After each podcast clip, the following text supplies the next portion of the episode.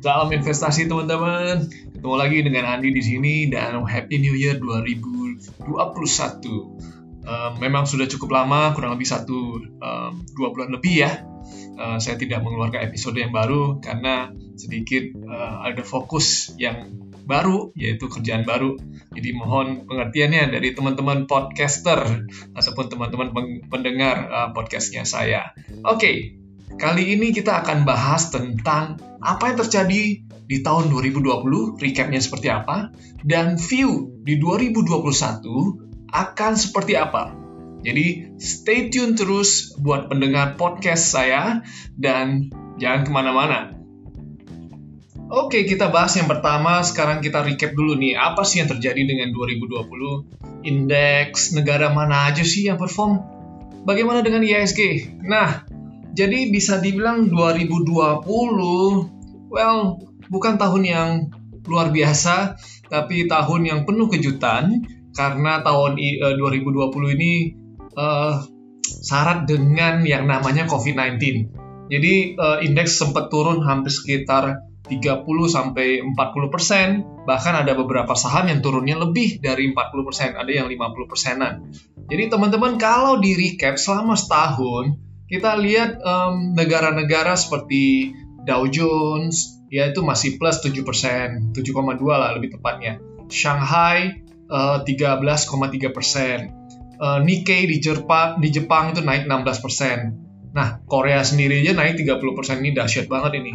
Jadi ada negara-negara yang uh, performance-nya recovery setelah COVID-19 yang di bulan uh, bulan 2 dan bulan 3. Nah, ini negara-negara uh, di rata-rata sih saya lihat ini ada tiga faktor sih menurut saya yang sangat mempengaruhi. Yang pertama, menurut saya teorinya itu ada tiga kurang lebih ya uh, terkait dengan stimulus. Jadi negara-negara yang um, dalam menghadapi COVID-19 ini, ya, negara dengan stimulus paling besar itu cenderung memberikan indeks performance atau confidence kepada kepada investor untuk berinvestasi di negara tersebut.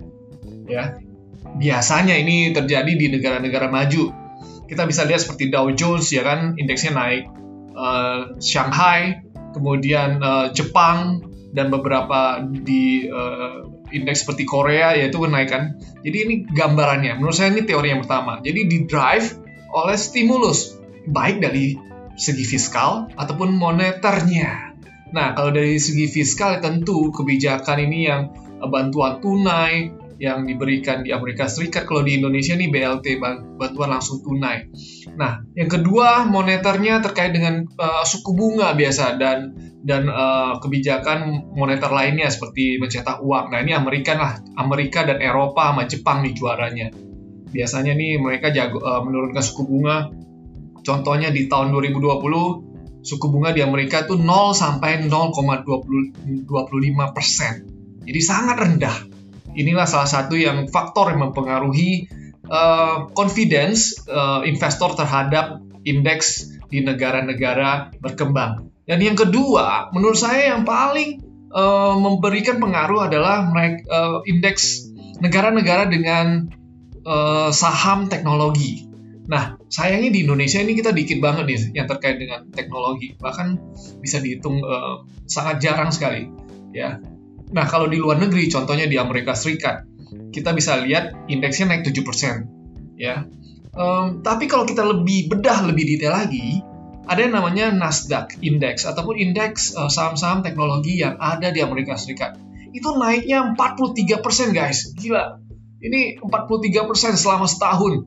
Ketika orang pandemi COVID-19 semuanya mengalami koreksi, pertumbuhan uh, ekonomi di Amerika Serikat resesi, tapi khususnya untuk saham-saham teknologi naiknya 43%. Makanya saya nggak heran kalau di Korea yang banyak uh, banyak juga nih saham-saham teknologi dan chip terkait dengan uh, Samsung, uh, apa ya Taiwan Semi, uh, bukan Taiwan ya, uh, uh, ya terkait dengan yang teknologi stok lah di uh, di Korea itu indeksnya naik 30%. Nah ini yang menariknya teman-teman. Jadi yang pertama adalah stimulus baik itu fiskal dan moneter. Yang kedua ini terkait dengan saham-saham teknologi.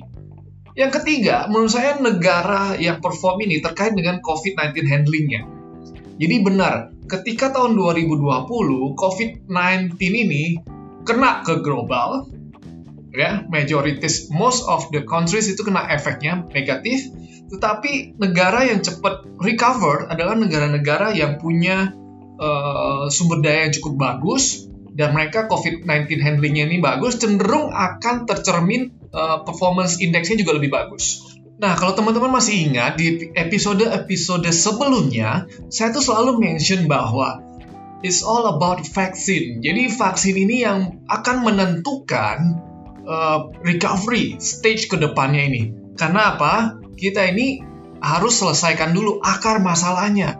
Health crisis inilah penyebab financial crisis ataupun uh, pelemahan ekonomi secara global. Ini yang harus di cari dulu jalan keluarnya. Dan sejauh ini kita bisa lihat recovery yang terjadi belakangan ini karena optimisme terhadap vaksin-vaksin yang sudah ada. Baik itu eh, Pfizer, AstraZeneca, Sinovac, dan lain-lain. Jadi teman-teman, uh, saya nggak akan bosan mengulang ini sekali lagi. Ya, sekarang ini kita lihat bahwa arah pemulihan ini sudah di depan mata. Karena apa? Ke depan ini vaksin sudah dimulai diproduksi dan bahkan sudah mulai di uh, diberikan kepada masyarakat ya di Amerika Serikat sudah dimulai, di Timur Tengah juga sudah dimulai, bahkan di Indonesia dalam waktu dekat presiden kita akan mencoba yang pertamanya, yang orang yang pertama di Indonesia akan uh, diberikan vaksin dan berikutnya juga akan diimplementasikan kepada masyarakat secara berkala. Nah, ini menurut saya memberikan gambaran arah recovery ke depannya. Begitu health crisis sudah selesai, nextnya adalah perbaikan ekonomi. Nah, kenapa saham indeks saham-saham itu jauh lebih perform, bergerak duluan? Karena ekspektasi, ekspektasi terhadap uh, pertumbuhan ekonomi ini akan mulai dari low base, jadi base yang sangat rendah. Ya, kita Indonesia sendiri masih uh, dua dua tiga quarter ya kita belum tahu nanti quarter keempat hasilnya negatif atau enggak tapi mau lainnya kita masih di dalam kondisi yang resesi. Nah menariknya adalah saya yakin vaksin ini akan menjadi jalan keluar. Tinggal permasalahannya nanti setelah vaksin ini diproduksi di uh, berapa lama ya di untuk di uh, distribusikan, diimplementasikan, di injection ini ke semua masyarakat Indonesia ataupun uh, berapa percentage-nya ini udah cukup, berapa lama. Ini juga akan mempengaruhi confidence terhadap uh, confidence khususnya investor asing ya terhadap capital market di Indonesia. Nah, itulah menarik ya teman-teman ya. Jadi vaksin menjadi salah salah satu solusinya dan di sisi lain stimulus itu belum berhenti. Nah, ya kita udah kelihatan nih uh, arah jalan sepertinya jalan uh, keluarnya ini sudah mulai terang nih sudah ada setitik cahaya di ujung sana.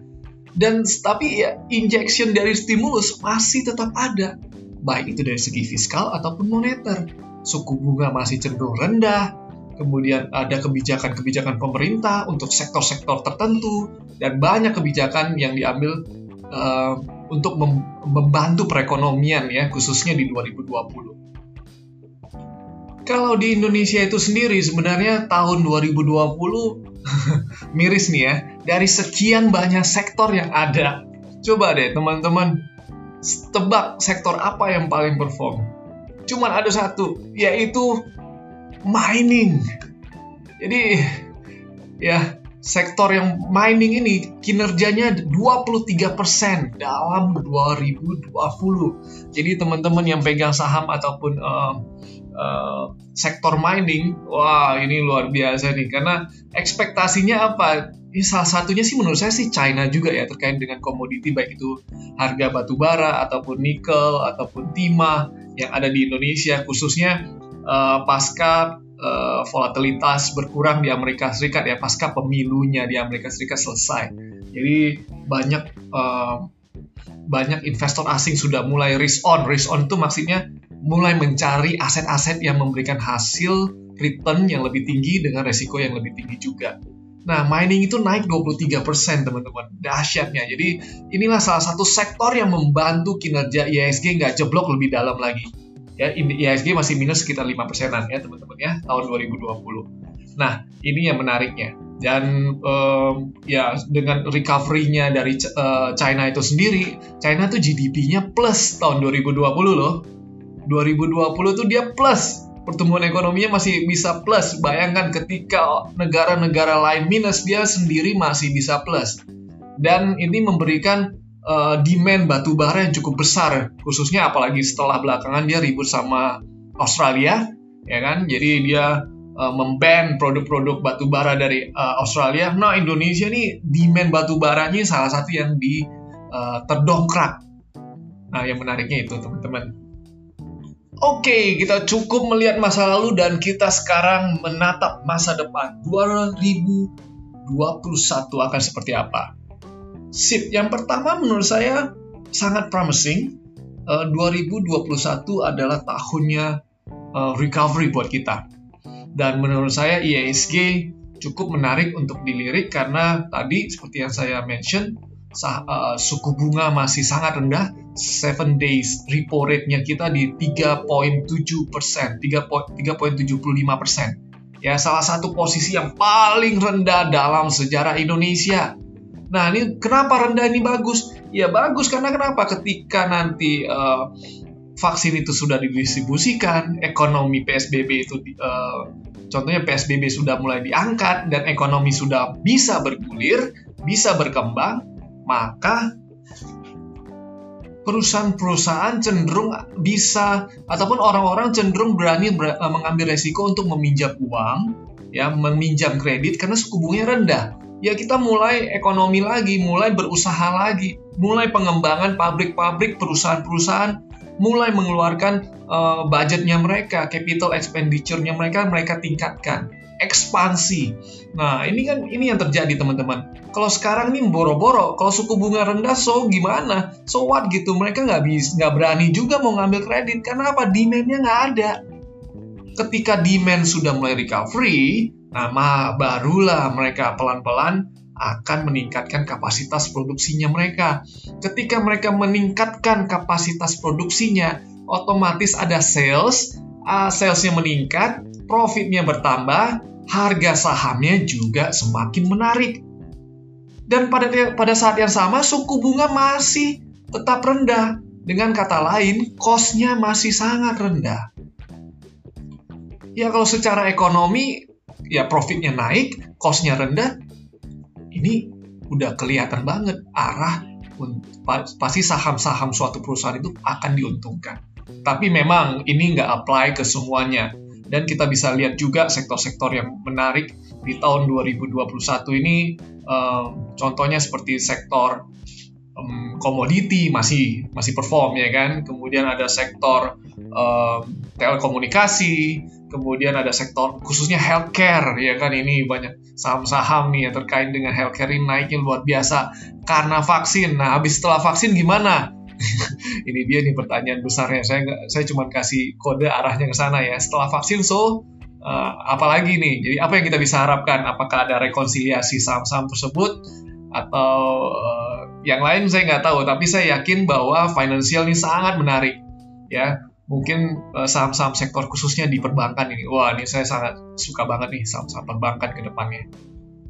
Jadi yang pertama adalah Indonesia masih sangat menarik, is a recovery stage ya di 2021 dan yang kedua, volatilitas cenderung lebih rendah dibandingkan 2020. Kalau di 2020 kita banyak hal yang terjadi, resiko itu banyak banget ya mulai dari COVID-19 ya kan vaksin belum jelas nih ekonomi kena seberapa lama ya kan. Kemudian ada pemilu di Amerika Serikat ya kemudian kemudian ada banyak uh, Brexit dan lain-lain ya kan. Cuman nah masuk ke tahun 2021 volatilitas cenderung akan lebih menurun. Contohnya apa? Pemilu di Amerika Serikat sudah jelas Joe Biden yang menang. Tanggal 20 Januari nanti akan dilantik sebagai the next uh, President of United States, ya kan? Kemudian apalagi Brexit, so far mereka sudah deal, cuman detailnya seperti apa masih ada uh, nanti negosiasi uh, terhadap uh, Amer uh, Eropa dan Inggris itu seperti apa. Nah, ya at least sudah ada dealnya lah.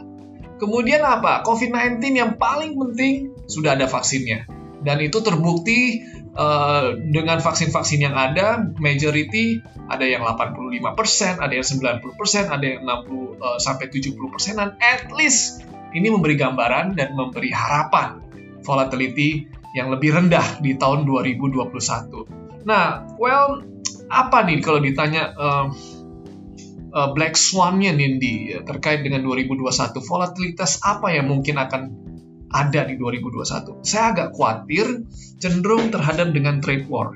Well, kalau kita lihat memang Trump ini berbeda banget sama uh, Joe Biden.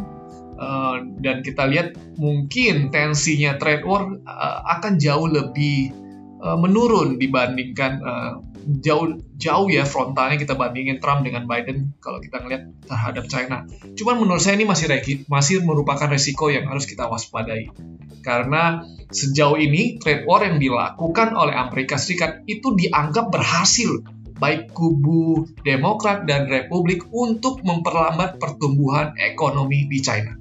Ini yang terjadi. Jadi uh, trade war pasti definitely akan terus jalan dan menurut saya um, resiko yang bakal muncul terkait dengan China itu sendiri karena China ini uh, mulai berubah kebijakan policy di dalam negeri mereka.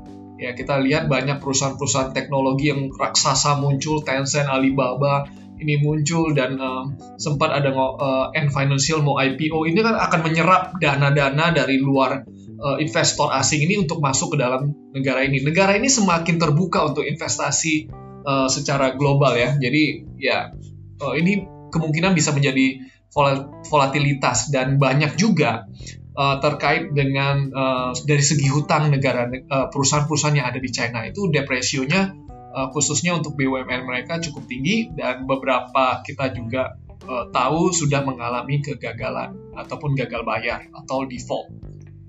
Lalu yang ketiga menurut saya tahun 2021 ini uh, tadi ya yang pertama terkait dengan recovery, yang kedua terkait dengan volatilitasnya akan cenderung menurun, dan yang ketiga menurut saya